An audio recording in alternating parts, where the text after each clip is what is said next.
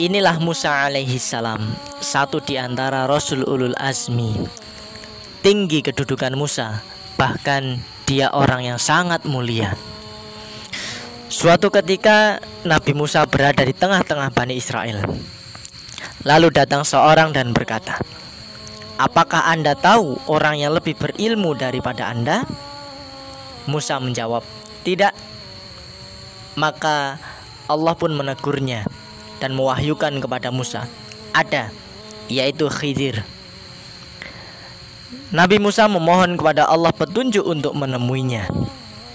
Dan Allah menjadikan ikan sebagai tanda akan bertemu dengan Khidir. Dikatakan kepadanya, apabila engkau kehilangan ikan ini, kembalilah dan engkau akan menemuinya.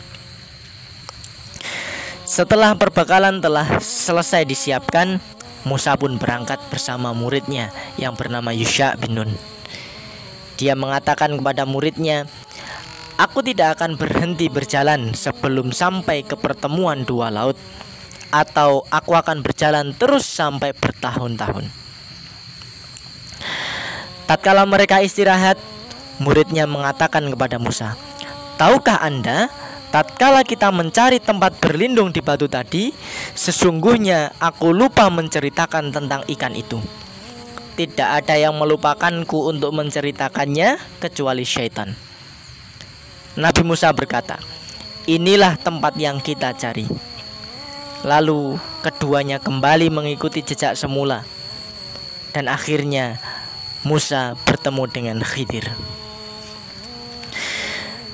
Di saat Musa bertemu dengan Khidir, dia mengatakan, Bolehkah aku mengikutimu agar engkau mengajarkan kepadaku ilmu yang benar yang telah diajarkan kepadamu?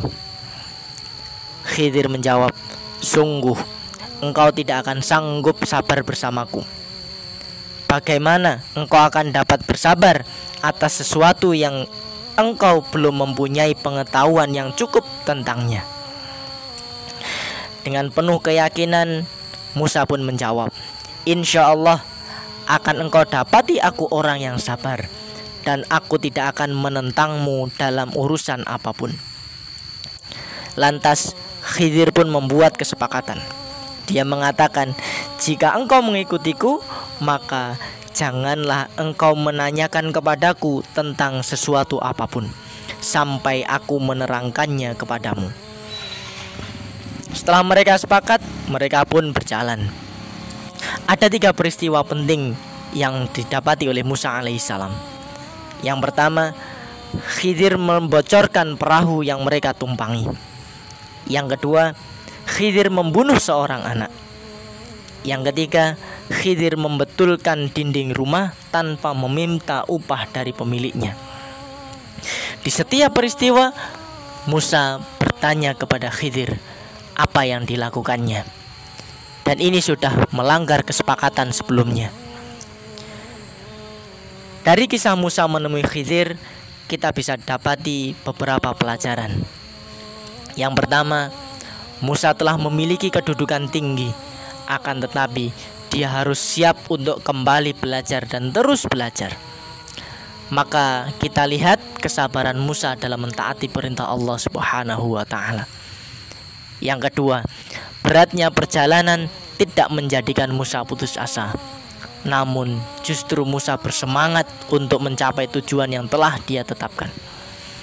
Ketika ketika Musa telah bertemu dengan Khidir, dia kedepankan sifat tawadu. Musa tidak sombong meski secara kedudukan dia lebih tinggi. Karena itulah kunci keberhasilan.